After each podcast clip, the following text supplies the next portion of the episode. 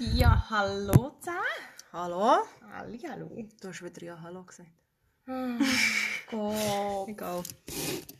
Hallo. Hallöle. Hallöchen. Ja. Teenage. Sorry. Egal. Ich will noch mal anfangen. Nein, das... Also, wir können nochmal... Nein, hallo. Scheiße. Okay. Okay. Wir sind heute hier zusammengekommen. Weil wir noch ein Thema haben wollen mit euch besprechen. Oder besser gesagt, wir haben einen Input bekommen von einer Freundin von mir, die gesagt hat, Merci, jetzt sieht aus, als hätte ich keine Freunde. du hast auch Freunde. Ja, aber... ah. Wir haben schon ein paar Inputs bekommen. Du hast schon einen Input von einer Freundin bekommen, mhm. den wir weiterhin auch mal bearbeiten. Ja. Genau. Also, Item. Nochmal von vorne. Item. Wir haben einen mega coolen Input bekommen, oder ich habe einen mega coolen Input bekommen von meiner Freundin. So ein bisschen das Thema Geld. Leben am Limit. Genau, Leben. Leben. Ja, sie das so tauft. Ich habe den Podcast getauft, Leben am Limit. Weil, ja, Geld. Das wäre auch noch ein guter, ein guter Name für einen ganzen Podcast gewesen. Was, Leben am Limit? Leben am Limit. Kannst du es noch umtaufen, wenn du willst? Nein, jetzt haben wir es schon so promotet. Gut, okay. Genau. Und das ist eigentlich so ein das Thema, das ich finde, das eigentlich recht viel betrifft. Also mich auch. Also haben wir jetzt gesehen, über was wir reden? Sorry, ich Ja. habe den Faden verloren. Geld. Ah, Geld, ja. Money, money, money. Genau. Und ich finde es recht ein spannendes Thema, weil man zwischendurch so ein bisschen merkt, bei diesem Thema kommt man sehr schnell an Grenzen. Oder eben auch nicht. es kommt ein bisschen darauf an, wie, wo, wenn, was. Weil es gibt so ein bisschen die verschiedensten Typen. Also, wenn ich jetzt so ein bisschen denke, meine Grosseltern sind mega die geizigen Geizknäpper, auch gesagt, die für alles am liebsten nichts und wieder nichts ausgeben. Und dann gibt es so ein bisschen die, die sagen, Judi hui und tralala und das hier machen wir. Wir haben es, wir geben es. Genau. So in diesem Stil. So in diesem Stil. Und dann gibt es noch die, die so, ja, wir kommen gerade über die Runde. Also, aber es ist eigentlich ein allgegenwärtiges Thema. Und es ist ein sehr, sehr heikles Thema. Genau, ja. Weil ich sage immer so, Geld, Politik und Religion sind so Themen, die du am besten an einem Küchentisch gar nicht herbringst. Weil Genau. Da hast, da wirst, das wird am Schluss wird sich eskalieren. habe ich Genau, und wirst schon gesteinigt oder. Okay. was auch immer. ja, vielleicht gar nicht so, Oh, aber aber so ähm, schlimm. Aber eben, darum heisst es ja Leben am Limit. Familien werden auseinandergerissen, wenn man über das redet. Genau. Nein, vielleicht ja. dramatisch, aber es ist schon ein heikles Thema. ja, und jetzt geht, also in meinem Fall muss ich jetzt auch gerade sagen, also wenn ich jetzt so persönlich darf, was ist jetzt schon? Ich es so ein lustig, Leben am Limit. Ja, Ah, okay, sorry, ich habe dich nicht unterbrechen. scheiße. Red weiter. Nein. Also, ich finde es gut, dass wir das Thema verlustigen. Verlustigen? Was Ja, ist das für ein Wort? ist das erfunden? einfach darüber können lachen Wir nehmen es einfach nicht ernst. Wir nehmen es nicht ernst, genau. Weil genau das muss man zwischendurch. Weil sonst kann es sein, dass man in ein Loch geht oder sonst irgendwie etwas. Nein, aber es ist, Fakt ist, dass wir hier in der Schweiz eigentlich grundsätzlich einen Lohn haben. Und von diesem Lohn zahlen wir einen grossen Teil eigentlich an Steuern, einen grossen Teil an Rechnungen, einen grossen Teil an sonstigem Medien, Miete, Krankenkasse. Krankenkasse, Krankenkasse. Krank die krasse Krankenkasse. Genau. Und was bleibt eigentlich übrig für uns selber? Nichts. Genau. Leben am Limit. Leben am Limit. Nein. Aber was bist du für ein Typ Mensch? Gibst du, ja genau, gibst du gern Geld aus oder sparst du lieber für ein größeres Ziel? Wie bist du so, Jessie? Ah, hast du das jetzt mir Nein, das habe ich jetzt die anderen gefragt. Ah. Aber wie bist du so, Jessie? Ich. Ich gebe, du- ich gebe einfach alles aus, was ich sehe. Nein, Spaß. Nein, ich weiß auch nicht. Ich habe, ähm, bei mir ist es so ein bisschen so, äh, meine Großeltern, wie du schon gesagt hast, also vor allem meine eine Großmutter ist auch recht, ich sage jetzt nicht gitzig, aber sie war sehr sparsam. Gewesen. Also weißt, sie hat eigentlich genug Geld gehabt. Also sie war nicht reich, gewesen, aber sie hat genug Geld gehabt. Und sie hat uns Grosskind auch immer etwas gegeben, weißt, und so. Aber sie hat auch immer gesagt, wenn wir in die Ferien sind gegangen, hat sie gesagt, ja was, wieso geben ihr jetzt Geld für die Ferien aus? Und ich immer so, für, für was das ist? Also ich gebe am liebsten Geld für die Ferien aus. Mhm. Aber irgendwie habe ich das, das extrem sparsam, habe ich so wie übernommen. Also, weißt, ich denke mir auch immer so, nein, aber das wollte ich jetzt nicht von meinem Ersparten nehmen. Nein, das wollte ich jetzt, also ich gönne mir gerne etwas, manchmal, ich, ich bin so ein, Mittel, ein. Ich gebe, zum Teil gebe ich einfach unüberlegt Geld aus für irgendwelchen Kack, den ich nie in meinem Leben brauche, der nicht wichtig ist. Andererseits bei grösseren Anschaffungen, wo ich, wo ich eigentlich so das Gefühl habe, mal, das brauche ich jetzt und das, weiß ich nicht, sei es manchmal schon etwas für das Fotografieren, irgendein Objektiv oder keine Ahnung, dann bin ich dann hure knauserig und denke dann so, nein, aber nein, das ist viel zu teuer, das kann ich nicht ausgeben. Mhm. Also es ist so wie, ich würde mal sagen, ich habe schon früh gelernt, eigentlich mit Geld umzugehen, weil meine Eltern haben mir das eigentlich recht gut auch beigebracht. Also ich habe auch, als ich in der Lehre war, habe ich immer einen Teil müssen abgeben mhm. Und ich habe auch, als ich als Kind schon, habe ich einfach ja, Sackgeld bekommen. Und ich weiss, es haben, ich habe schon ab der ersten Klasse pro Woche 5 Franken bekommen. Und hure viel in meiner, in meiner Klasse, in meinem Umfeld, haben gesagt, das ist ja viel zu viel. Und ich bekomme nur 1 Franken. Und wenn ich in der zweiten Klasse bin, bekomme ich 2 Franken. Und ich dachte, ja, wow, was kannst du denn mit 1 Franken? Also was kannst du mit dem anfangen? Mhm. Und ich habe mich dann manchmal so wie schlecht gefühlt. Also denkt, nein, jetzt sind wir geheißen, wieder, ja, du bist halt ein Senzokind, das kann man, das kann man halt machen, gell? Aber irgendwie durch das, dass ich von der ersten Klasse bis in die neunte Klasse einfach meine 5 Franken pro Woche habe bekommen. Also ich natürlich auch etwas machen dafür. Habe ich wie gelernt, mit diesem Betrag einfach auszukommen. Ja. Also weißt, meine Eltern haben mir gesagt, wenn, wenn du die 5 Franken, du kannst, kannst du mit dem kaufen, was du willst. Ich meine, wenn du ein Heftchen kaufen willst, oder ein Kettschgummi, wenn du mhm. das kaufen aber ich habe einfach von der ersten bis zur 9. Klasse ich quasi mit diesen 5 Franken bin ich ausgekommen und ich musste das einteilen. Ich musste lernen, dass ich einfach die 5 Franken bekomme und wenn ich mal vier Wochen nichts ausgegeben habe, dann hatte ich schon 20 Franken. Gehabt, ja. Oder? Aber wenn ich natürlich jede Woche die 5 Stutz schon ausgegeben habe, dann, ja okay, dann habe ich nervig nicht mehr gehabt. Und dann habe ich dann genau. nicht zu meinen Eltern gesagt, Mami möchte aber gerne das und Papi möchte noch gerne das. Dann hat es einfach gesagt, ja schau, Du hast das Taschengeld. Leben wenn, am Limit. Wenn nicht Geburtstag oder Weihnachten ist, musst du halt warten, bis du irgendwie kannst du das zum Geburtstag wünschen. Und ähm, ja, darum habe ich eigentlich schon recht früh gelernt, wie man mit Geld umgeht. Klar, ich, gebe, bin eine Frau, ich gebe äh, Geld für Kleider aus, die ich nicht brauche. Also, ja. Ich würde mal sagen, ich bin so ein Mittelmaß. Aber ich habe manchmal schon das Gefühl, dass ich so lebe am Limit. das klingt schon mal sehr gut. Das ist so ein bisschen langweilig, aber ja. Ja, aber jetzt grundsätzlich mal, aber was würdest du sagen, wie viel sollte man in der Schule etwa Sackgeld bekommen für Ämter und so, was man macht? Ja, also, also ich finde es immer so, dass man erst Sackgeld soll bekommen wenn man Ämter macht und etwas macht. Ja, finde ich auch. Weißt du, wie ich meine? Finde ich auch. Was würdest du jetzt sagen vom Dings her, jetzt, jetzt sind wir ja anders vor der Zeit her, mhm. würdest du jetzt auch sagen, 5 Franken sind okay? Oder würdest du sagen, mehr oder weniger? Oder ja, es kommt, theoretisch. Es ist noch schwierig zu sagen, es kommt ein bisschen darauf an. Ich meine, es kommt natürlich sicher darauf an, wie viele Kinder das du hast. Also wenn mhm. du, sagen wir jetzt, du hast drei Kinder und du gehst jedem pro Woche fünf lieber, dann hast du schnell mal ein Leben am Limit. Aber ähm, ja, es ist noch schwierig. Weißt, ich sage jetzt zum Beispiel, wenn du eine regelmäßige Aufgabe hast, zum Beispiel jetzt, mein Freund hat mir erzählt, er hat zum Beispiel, wo er irgendwie, gut, der ist vielleicht schon älter gewesen, vielleicht so 13, 14, weißt, wo, wo seine Eltern sind Abwart in dem Haus, wo sie gelebt haben. Und dann haben er und seine Brüder haben einfach immer jeden Samstag müssen das Stegenhaus putzen, von zum mhm. bis zum obersten. Also weißt, und, und dann, klar, haben sie dann auch Geld bekommen, ich weiß jetzt nicht genau wie viel, aber ich finde, wenn du so ein Jöppli hast, irgendwie, dann darf es so mal ein bisschen mehr sein, habe ich jetzt das Gefühl. Mhm. Aber ja, ich finde jetzt, also ich sage jetzt aus meiner Erfahrung, fünf Stutz, ich bin mit diesen fünf Stutz gut ausgekommen. Aber wenn's natürlich, wenn du natürlich irgendwie ein Kind hast, wo, klar, das kannst du mir auch lernen, dass du einfach sagst, schau jetzt, du hast das Entli, dass du, ich hatte zum Beispiel das Entli gehabt, dass ich immer an meinen Tisch stecken mhm. Und mein Dauer aber um, oder?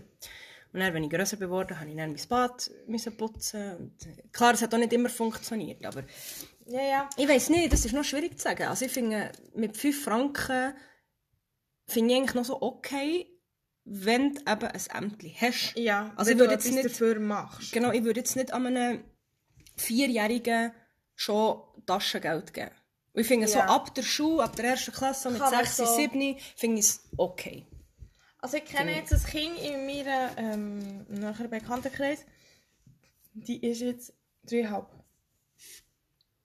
Nein, jetzt muss ich jetzt studieren.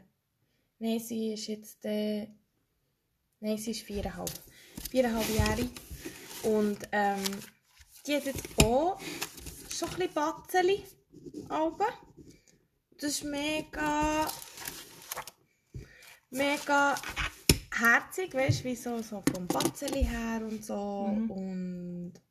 Ja, nein, es ist wirklich. Äh, Ja, aber weißt du, ich, ich sage immer, es ist wie etwas anderes, wenn du zum Beispiel, äh, manchmal kommt ja das Grosse vorbei, Ja, oder da Fünfliber. Batzeli Das finde so. ich noch eins, aber ich finde jetzt, für ein vierjähriges Kind, sag jetzt mal regelmässig jede Woche Taschengeld, würde ich euch die Kinder ja, sie bekommen die bekommen auch Taschengeld, aber nicht, also mehr von, von Mama von ihnen, Mhm. aber ähm, ja, also weißt, sie, sie haben ja auch ihre Ämter. Klar, Ja, sie haben ja, bei ihren Ämtern und bei uns, aber ähm, wir haben jetzt eh noch eben ein Konto gemacht, weißt, wo sie immer alles können, Ja, können drauf können tun. drauf tun und beispielsweise eben, wenn sie sich jetzt etwas wollen, kaufen zum Beispiel, dann Mhm. Ist tun das wir- dann, ja, dann kann man es dann auch, dann können sie es dann von dem Geld nehmen, weißt? Mhm, Klar, wenn es jetzt mal irgendwie ein Ketschgummi ist, dann, aber weißt, wenn es jetzt zum Beispiel Ja, ja, eben irgendein ein Heftchen oder ein Buch irgendwie, dann finde ich, kannst du das von deinem Taschengeld nehmen, Ja, weißt du, was ich meine? Weil es ist deine Fall. Anschaffung und du hättest es gerne und wenn du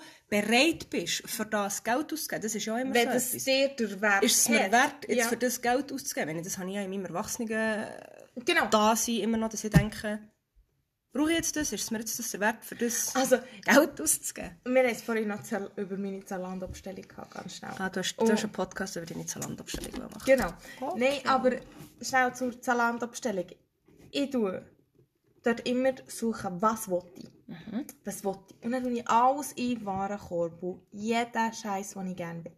Mhm. Und dann äh, gehe ich wieder raus Mhm. und warte. Und dann, so nach zwei Wochen oder so, Kommt so ein Mail. Sie haben Waren im Warenkorb. ja, zum Beispiel. Aber ähm, vielleicht gibt es die Hälfte nicht mehr. Aha. Oder dann ist die Hälfte abgeschrieben. Ja. Und dann ist für mich immer so, gut, dann hätte es nicht sollen sein, Ja. dass ich das bekomme. Ich, ich, ich tue mich dort immer wie selber austricksen in dem Sinn. dass ich nicht alles Ein guter Ansatz. Weil ich einfach finde, ja, es ist nicht nötig. Ja, aber das mache ich. Aber weißt du, das finde ich ja das allgemein so das Online-Shoppen. Ich meine, ich mache ja das mittlerweile auch. Also ich Ja, schon länger. mittlerweile kannst du ja gar nicht mehr anders. Nein, aber ich mache das schon länger. Früher, weiss noch, bist du mit der Kollegin am Mittwochnachmittag oder am Donnerstagabend Ja, am. Abend verkauft, bist du bist du lädeln und hast das alles anprobiert. Und, hast, Das gekauft und dieses und gekauft. jetzt hockst du wie ein Couch Potato auf dem Sofa und machst tick, tick, tick, das bestelle ich, das bestelle ich. Aber das ist dann so ein bisschen Gefahr. Ich, ich habe ja das manchmal schon, weißt du. Dann bestelle ich irgendetwas, dann denke ich mir so, Für ja, was? brauche ich das überhaupt? Also, ich meine, wenn es nicht irgendwie... Ich finde es auch hure interessant, die Einkaufsstrategie von Männern und die Einkaufsstrategie von Frauen. Ja. Also zum Beispiel, wenn ich das bei meinem Freund gesehen meine, er ist... Ich weiß nicht, wie oft das der geht, Kleider einkaufen. Der geht vielleicht einmal mal Kleider einkaufen, dann kauft er irgendwie für 180 Stutz Kleider ein. Wenn nicht noch mehr. Ja, aber dann geht er auch etwa ein halbes Jahr oder manchmal sogar ein Jahr nicht mehr. Mhm. Und ich einfach so, Zalando hier, Zalando da. Ah, Also, also, da noch können, und dort könnte man noch, im Zebra hat es noch etwas Schönes, im Schipper Ja. hat es noch etwas oh nein, Zebra kann ich nicht einkaufen, für das bin ich zu alt. Aha, ja, Entschuldigung. Nein, aber ich habe jetzt angefangen, weil ich manchmal, ich weiß nicht, ob, das, ob ich manchmal mein Gewissen ein bisschen beruhigen will, aber ähm, ich habe jetzt angefangen, dass ich regelmässig anfange, in Brocken einzukaufen. Ja, jetzt denken sicher viele, wäh, hure grusig. Aber wirklich, nur so, Berner Brocken in Lorraine, die ist der Burner. Also ich meine, es Ja, ist, es ist unhure ähm, gepflegt. Die Kleider sind wirklich schön dargestellt, wie in einem, wie in einem Kleiderladen. Und hey, sorry, ich habe dort Sachen gefunden. Also weißt, von Zara, von Marken, die hure gut sind. Mhm. Für dreimal nichts. Und dann denke ich mir dann so, ich gebe lieber Geld dort aus, weil ich finde, die Kleider haben wie nochmal eine Chance verdient. Ja, Als dass du immer Neues bestellst. Neu, neu, neu, neu, neu. definitiv. Und irgendwie, also ich weiß nicht, ich mache es jetzt gerne, ich gehe auch viel für Bücher oder so. ja, Gehe ich dort irgendwie einkaufen. Oder ich finde das Okay. so, das ist etwas mega Cooles, weil man eben jetzt auch auf die Zeit, wo alles so ein bisschen mehr recycelt wird oder eben einfach wieder mal gebraucht oder so, ja auch ganz viele coole Sachen, die ich gratis habe. Eben, ja. Von einem Kleidertausch. Eben, ja, oder so Also etwas, weißt ja. wo mega Fakt, wo extrem cool ist zum machen und Nein, und Ding, eine hat mir mal in Brock etwas hure Interessantes gesagt. Weißt, sie hat, ich bin in die Kasse gegangen, habe ein Sommerkleid gekauft, super schön, das irgendwie, wo mal vom Zara war. Und dann ähm, hat, sie, hat sie so eine Kasse genommen und so, ah, das ist so ein schönes, das hat ihr auch mega gefallen. So, und ähm, ich kann nicht, wie ich dann ins Gespräch bekomme mit ihr, einfach so wegen, eben wegen, weißt du, es ist wie wiederverwendet. Dann hat sie so gesagt, ja, aber überleg dir mal, wenn du in einem Laden etwas kaufst, dann wäschst du es ja auch zuerst. In der Regel. Wenn Ja. du es neu kaufst. Also sprich, wenn ich in der Brocki etwas kaufe, ich wasche ja alle Kleider immer Normal, zuerst. ja. Also, bevor sie so und sie sind in Brock ja auch schon gewaschen worden. Eben, ja. Und darum, ich, ich wasche sie ja wie auch normal und dann ist es einfach meins. Also Ja. es, ist dann, es gehört nach mir, es hat dann meinen Geruch und es ist dann nicht irgendwie, wer, das hat jetzt die Anne gehabt. Und, Ja. aber ich finde, du hast ja auch wie, ich weiß nicht, auch wenn du in einen Laden etwas gehst kaufen, ich meine, sorry, wenn ich manchmal sehe, du gehst geh Oberteile probieren und dann ist echt der Rand voll Make-up, weil irgendeine auch ihr halbes Gesicht am T-Shirt hat lassen. dann muss ich erst sagen, ja, sorry, das finde ich auch ein bisschen grusig. Also, ja, das stimmt. ja. Darum, Nee. geht in die Brocke. Genau. Werbung. Werbung. Nein, aber, aber ist das so dein Ding, wo du sagst, du würdest sagen, du gibst am meisten Geld für Kleider aus? Oder was ist so deine Sünde? Deine Leben am Limit Sünde? Meine Leben am Limit sind. Nein, ich glaube nicht, ich, dass ich am meisten Geld für Kleider ausgebe. Also am wenigsten Geld gebe ich aus für Elektrogeräte. Am wenigsten? Am wenigsten. Aha, jetzt nicht sagen, wo- hä? Ich meinte am meisten. Das habe ich Nein, am, also das weiß ich jetzt, das ist so das, wo ich am wenigsten Geld ausgebe, weil ich, ich, ich zahle einfach nicht gerne für. Das ist, hat's mir nicht Also wie meinst du. Elektrogerät? Also, Also der Fernseher. Vormaschine? Oder? Aha, Fernseher. Ah, Also, Fernsehen würde ich niemals Geld ausgeben, weißt du, wie ich meine? Ja. Also, der Fernseher, den ich jetzt hier habe, im Wohnzimmer, äh, der ist von meinem Bruder. ja, ja. Ja, ja. Also, weißt du, in dem Sinn. ja. Und mein Handy zum Beispiel, Für das wird irgendwie Geld ausgeben. ja, das würde schon nie Geld Never. ausgeben. Aber jetzt, mein Handy, das ich habe, ist zum Beispiel auch Occasion. Dort habe ich zwar etwas gezahlt, aber das ist äh, recycelbar gesagt. Das ja, hat ja, schon mal schon jemandem gebraucht. gehört. Ja, ja, klar. Also, ich, dort tue ich eigentlich nicht drauf, äh, dort brauche ich nicht das Neueste und nicht das Ja, ja. Teuerste und so. Ich habe manchmal, das ist jetzt fies, was ich sage, aber es heisst ja da, äh, man darf seine Meinung frei äußern, aber was ich absolut nicht kann nachvollziehen also nicht, nicht mal vielleicht kann ich das nachvollziehen, dass wenn du, wenn ein neues Gerät auf den Markt kommt, ein neues Handy, dass die Leute zwei Tage vorher draussen campieren. Aha, das ja. kann ich nicht verstehen. Ich kann es nicht verstehen. Das würde ich Aber nie das machen. ist ein anderer Stellenwert, den die Leute haben. Ein Ja, aber es ist ein- finanzielles Gefühl. Wenn du kannst sagen, ich gebe jetzt schnell 1400 oder 1500 aus für ein neues iPhone. Das würde ich nie machen. Oder irgend so Nie. etwas. Aber ich würde das für nichts machen. Ja, nein, ich gehe nicht. Also nicht mal, ja okay, meine, das meiste Geld oder dort, wo ich am liebsten auch Geld ausgebe, ist wirklich für Ferien. Ja, jetzt, Aber- ja, das wollte ich jetzt so gut sagen, Ferien. so. Aber ich habe jetzt gerade, ähm, Freitag habe ich ein mega gut, Freitag, habe ich ein mega gutes Gespräch gehabt mit einem Kunden. Ähm, meine Berufskollegin war krank, gewesen, also hat etwas mit der Schulter. Und deswegen nicht kann kommen, also kein Corona. Und ja, nur, dass wir es gesagt haben. Also weißt du, über das Mikrofon kann man einem nicht anstecken. Ja, ich weiß, aber Du einfach, dass ich, mehr anstecken. einfach, dass ich es äh, gesagt habe. Mhm. Und dann habe ich ihren Kunden übernommen. Und dann hat er mich gefragt, wie das bei mir aussieht.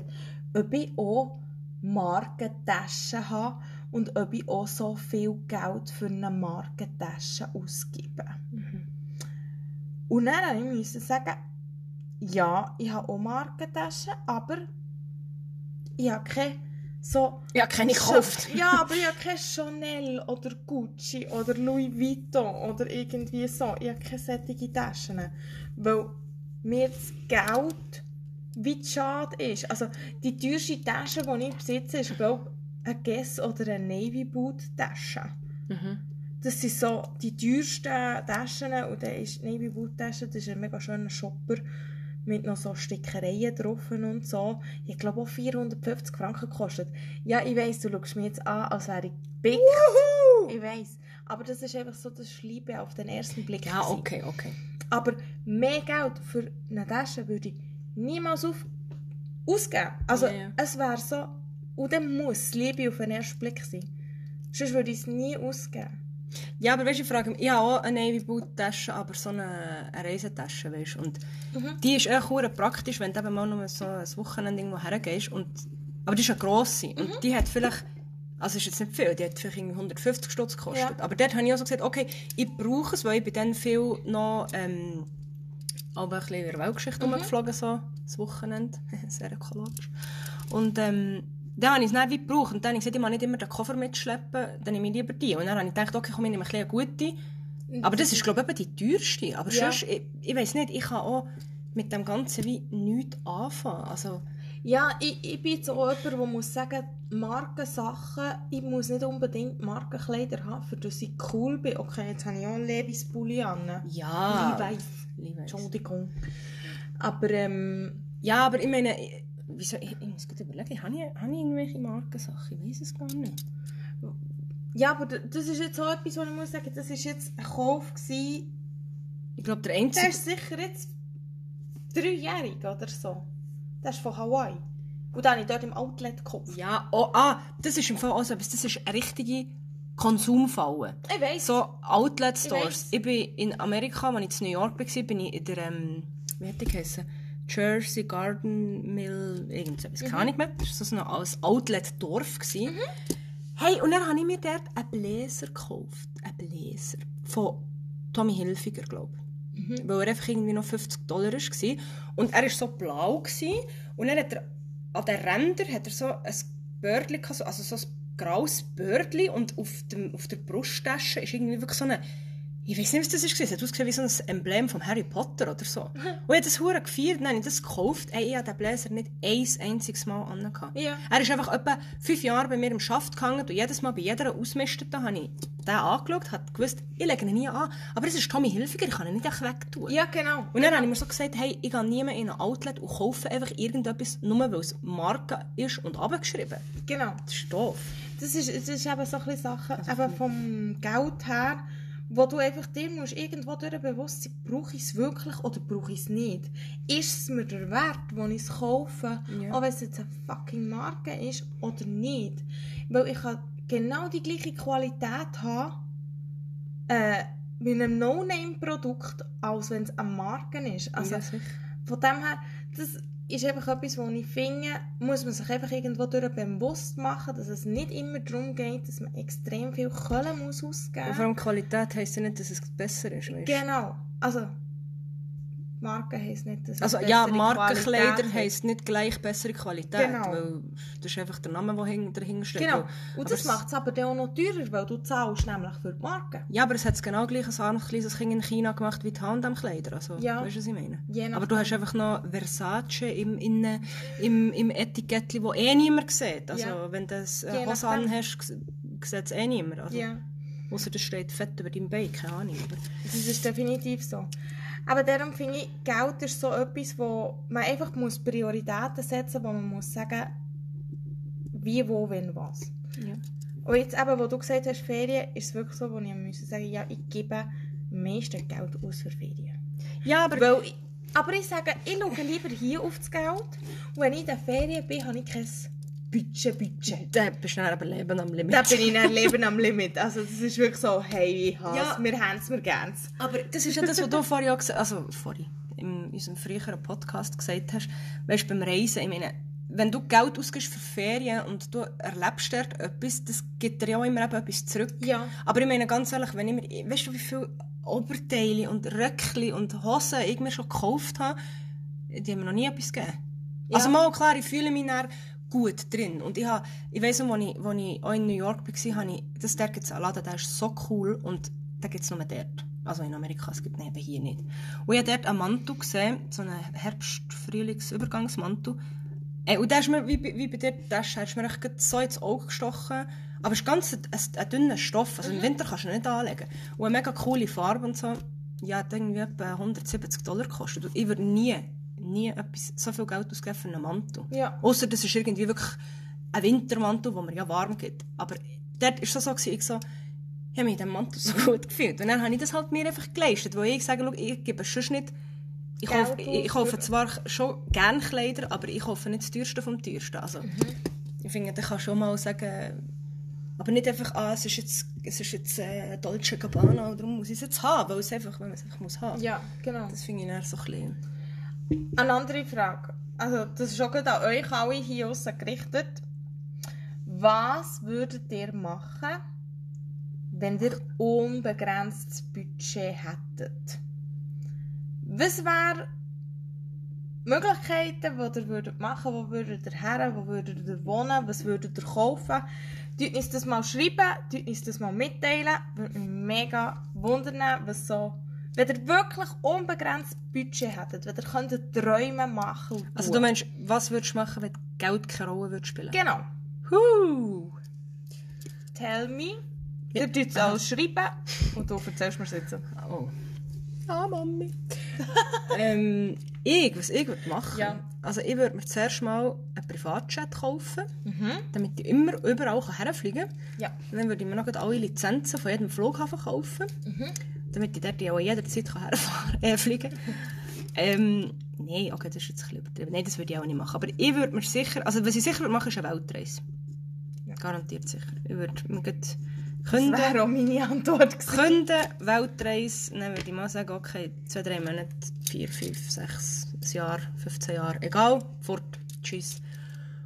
Und dann würde ich eben mir gerne ein Häuschen im Wald suchen tun. Und dann möchte ich dort einfach... Weißt du, ich würde noch... Das ist ja noch zu witzig, ich würde noch einfach wollen Ich leben. glaube, vor der Story hast du gesagt, am Strand mit, mit Ja, am Strand. Künstlerin am Strand. Ja, ich kann ja auch Künstlerin im Wald und am Strand sein. Ich habe ja, Ja. unbegrenztes Budget, hast du ja gesagt. Also ich kann mir ja ein Haus im Wald und eins am Strand. Aber weißt, ich würde nicht, nicht einen Palast, nicht eine riesen Villa, einfach ein herziges kleines Häuschen mit vielleicht vier Zimmerchen, einer Küche, einem Balkönchen oder so einer Terrasse, Veranda. Aber ich würde noch einfach leben. Ich, ich würde jetzt nicht, ich glaube, wenn ich auch im Lotto würde gewinnen, ich glaube, ich würde nicht hure protzen und, und dann mir den neuesten, geilsten Karren, Ferrari, was weiß ich, kaufen. Ja. Ich würde sicher mal hure fette Ferien, ja, das würde ich sicher machen. Aber ich glaube, ich würde nach wie vor einfach, also einfach, nicht, nicht arm, aber einfach so weiterleben, wie ich jetzt lebe. Also, Ja. also das weiß ich nicht, das sage ich jetzt einfach so. Also wenn mir jemand Geld schenken will, könnt ihr es mal ausprobieren. Und du? Nein. Also, auf jeden Fall reisen. Das wäre definitiv ein Ding. Und dann, das ist schon fast ein Dings. Ich würde Wohnungen kaufen Ah ja, gut. und die vermieten. Dann hast du das Leben lang Einkommen. Genau. Ja, das stimmt. ich ich, ich würde ich würd es vermarkten. Also ich würde das Geld investieren, für das ich dann wieder Profit daraus schlagen Also, Ja, ich ja, muti- dann sagt man- Ich, ich merke, ich mutiere zur Businessfrau. Ja, und dann tut man, tut man arme Männer be beschuldigen, die am ersten Date über die dritte Säule fragen. Aber Ja, dann ist man selber hure Sparfuchs. Ja, ja, ja, ja. Nein, Sparfuchs bin ich nicht, aber ich lerne meistens oder im Moment merke einfach, dass es auf andere Sachen Prioritäten muss setzen und dass andere Sachen irgendwo ein bisschen muss schauen, wie, wo, wenn, was funktioniert. Und wenn du das kannst, wenn du kannst sagen, hey, du kannst dir etwas kaufen, das haben wir heute diskutiert, vorher beim Zmörgeln. Du hast gesagt, sobald das Auto die Türschwelle verlässt, ist es 10'000 Franken weniger. Also, du musst vielleicht noch sagen, ein Neuwagen, Ein in Neuwagen einer Garage. in einer Garage, sobald Genau. du über die Türschwelle fährt, hat es 10'000 Franken weniger. Ja. Das ist doch birrenweich, wenn ich mir ein geiles Auto kaufe, anstatt eine Wohnung, die ich kann vermieten kann. Und dann fahrst du erst am nächsten Ort irgendwo in einen Post. Ja, genau, noch schlimmer. Böse. Nein, aber das stimmt schon. Also, ich, ich weiss Weißt du, nicht. was ich meine? Vom Das ist- Prinzip her. Das ist so etwas, eben auch Auto, ich, ich würde nie, nie, nie Geld für ein Auto ausgeben. Also weißt, klar, wenn ich jetzt unbedingt auf eins angewiesen wäre, warum auch immer, dann, klar würde ich mir dann eins kaufen, aber mir wäre es wirklich scheißegal, was es ist. Mir wäre es scheißegal, was es für eine Marke ist, mir wäre es scheißegal, wie, wie es aussieht, was es für eine Farbe hat. Ich meine, Hauptsache es hat ein Steuerrad und vier Räder. Oder Vielleicht noch ein paar Sitze, aber Weißt du, was ich mir jetzt gekauft habe? Achtung. Das trottet nicht. Nein, ich habe jetzt Geld ausgegeben. Also, Also jetzt geht? nein, letzte, letzte Woche. Ah. Ich habe mir ein neues Autonummer gekauft. Okay, das ist eben genau gleich bei einer Weich wie ein neues Auto. Ja, sie-. Du enttäuschst Hey, mich. ich feiere so. Sorry, es ist jetzt wirklich, ich habe jetzt bis jetzt kein Geld können ausgeben oder nicht gross. Da wir ja nicht lädeln und weiss du Aber wieso? was. Du siehst ja das gar nie. Hey, ich, dann kann ich mir es wenigstens merken. Was, wenn du bei der Polizei musst du mal angeben, weil du schnell bist gefahren? Ja, genau. Ah. Ja, das kann man auch, ja. Nein, jetzt Nein, habe das- ich mein Geburtsdatum Und Wie viel hast du gezahlt? 200 Franken. Ja, okay, das geht ja noch. Ja, es ist nicht äh, dramatisch. Ja, okay. Und das habe ich von meinem Trinkgeld gezahlt. Also das ist wirklich etwas, was ich nicht mal auf der Bank hatte. Steuerhinterziehung. Nicht, das darf man ja angeben. Aha, ja, okay, nee, das, das muss man ist... ja nicht angeben. Ja, okay, 200 Stutz ist jetzt, ist jetzt noch gnädig. Aber ich habe auch mal einen gekannt, weißt du, da, da, da muss ich dann einfach so sagen, hey, mm, da bist du echt dumm. Nein, sorry, das ist jetzt böse, aber da bist du echt wirklich, da ist echt nicht viel überlegt, oder dir ist einfach alles andere Scheiße egal. Aber ich habe mal einen gekannt, der hat mir selber erzählt, dass er Steuerschulden hat. Also ich bin jetzt da nicht der Oberbünzli, der Moralapostel, wo man Ja. sagt, man muss immer Steuern zahlen. Aber ich meine, sorry, Steuerschulden, du kommst nie daraus raus. Es hört nie auf. Nein. Sie kommen immer jedes Jahr wieder. Ja. Ich meine, ich war auch mal im gewesen und dann habe ich gedacht, komm, fuck, zahl den Scheiß einfach, weil die nächsten kommen schon wieder. Und er hat irgendwie, ich weiss nicht wie viel Steuerschulden gehabt und dann hat er sich ein, auch ein Autonummer gekauft für 5000 Franken. Nee, aber der Dann muss ich einfach sagen, du bist einfach, sorry, da hast einfach nicht alle Der Latten bist. Birrenweich. Also weißt ich muss ja Jedem auch sagen, Ding, aber- ich bin ja mit den Steuern auch ein bisschen im Verzug. Ja. Aber das ist völlig okay, weil es ist jetzt einfach so und ähm, ich bin im Frieden mit dem. Ich habe schon... Du schlafst noch. Ich schlafe noch, ich kann noch schlafen. Es gibt viele andere, die es auch so haben wie ich. ja, ich, ich bin Weißt in dem Sinn nicht direkt bam bam, wir zahlen das jetzt auf die, die, diesen Raten, die wissen schon, dass sie mir Einzahlungsscheine müssen Ah, schicken ich und so. Ähm, völlig okay. Aber das finde ich schon gerade ein bisschen... Ja, vor Also allem, weißt du, wenn du so einen hohen Betrag... Ja, weißt du, ich sage ja nicht, ich, aber wie gesagt, ich bin nicht die, die sagt, aber du solltest lieber Steuern zahlen. Aber ich meine, wenn du jetzt sagst, okay, 200 Stutz, ja, okay, aber ich meine, 5000 Stutz für ein Autoschild, ich meine, please. Also, ja, also nein, das... Hallo? Also das hätte ich auch nicht gekauft. Ah, weißt du, was eine Frage ist, die mich noch sehr, sehr interessiert. Ja, erzähl. Und zwar ist ja das in der Gesellschaft, also in unserer Gesellschaft und besonders in der Schweiz, Geld ist ja ein Tab- ein Tabuthema. Ja. Sagst du, wenn dich jemand danach fragt, wie viel das du verdienst? Ja. Gut, gehe. Weißt du, wie viel das deine Eltern verdienen? Nein. Okay. Weil ich hatte mal mit jemandem eine Diskussion, gehabt, wo aus allen Wochen kam, wo ich gesagt habe, ja, ich weiss mal, wie viel das meine Eltern verdienen und ich, meine Eltern wissen so, wie viel das ich verdiene. Und dann hat es gesagt, oh mein Gott, nein, ich darf nie wissen, was mein Bär verdient. Also, mal, ich- also in denkt, dem Sinn... äh, also warum nicht? Ist ja nur Geld. Ja, also in dem Sinn, ich weiß nicht die genaue Zahl oder nicht die genaue Dings, aber ich weiß ungefähr, wie viel das ist. Ja, ich weiss auch nicht genau die, die, der, auf, auf den Rappen genau, wie viel das jetzt mein Bär oder meine Mehr verdienen, aber ich weiss es einfach. Ja. Also weißt du, auch wenn ich ein Gespräch habe mit irgendjemandem, äh, oder immer, ist immer so das, darf ich fragen, wie viel zahlst du jetzt für das? Darf ich fragen? Ja es Frag ist doch so ein- einfach. Das Tabuthema, Eben, das ja. ist schon so.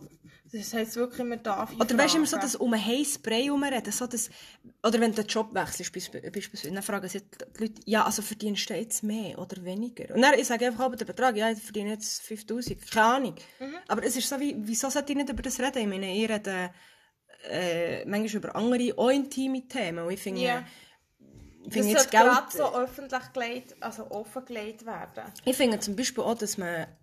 Wo, wo habe ich jetzt das mal gehört? Irgendwo habe ich mal gelesen, dass irgend in einem Land, ich weiß nicht genau wo, aber sie haben die Manager, von den, also sie so die grossen Bosse von grossen Firmen, haben ähm, ihre, ihre Löhne, wenn ich es sagen kann, einfach offengelegt. Ich finde, das sollte man im Fall hier auch machen. Weil ganz ehrlich, die Summen, die diese Leute verdienen, ist echt nicht gerechtfertigt. Ja. Auch, auch Summen, die Schüttler verdienen. Sorry, ist nicht gerechtfertigt. Es ist nicht gerechtfertigt, dass einer, wenn er zu diesem Club wechselt, dass der Club irgendwie 40 Millionen zahlt. Ist, finde ich, ist nicht gerechtfertigt. Also, Ja. ich meine, warum? Ja. Was hat er einen goldigen Fuß oder was? Ja. Also. Siehst du, das Thema Also- macht mich aggressiv. Ja. ich sehe es gut. Nein, aber ich finde Also- so, ich finde das Ewige immer so, ah nein, über Geld redet man nicht. Und Wieso nicht? Ich meine, Ja. wenn ich dann doch frage, ja, wie viel verdienst du, kannst du doch mir sagen, wie viel das du verdienst. Ja, Also, dann sage ich 100%, 100 Lohn, Coiffeur ist 4000 Franken, äh, 4030 Franken mittlerweile. brutto. Ja, also alles zusammen ohne Das ist ja hure wenig. Ja, Geh mal demonstrieren. gell? Also, aber dass ihr es wisst, es ist nicht wow. Nein. Aber deswegen mache ich auch noch andere Projekte und andere Jobs nebenbei. Also Jobs.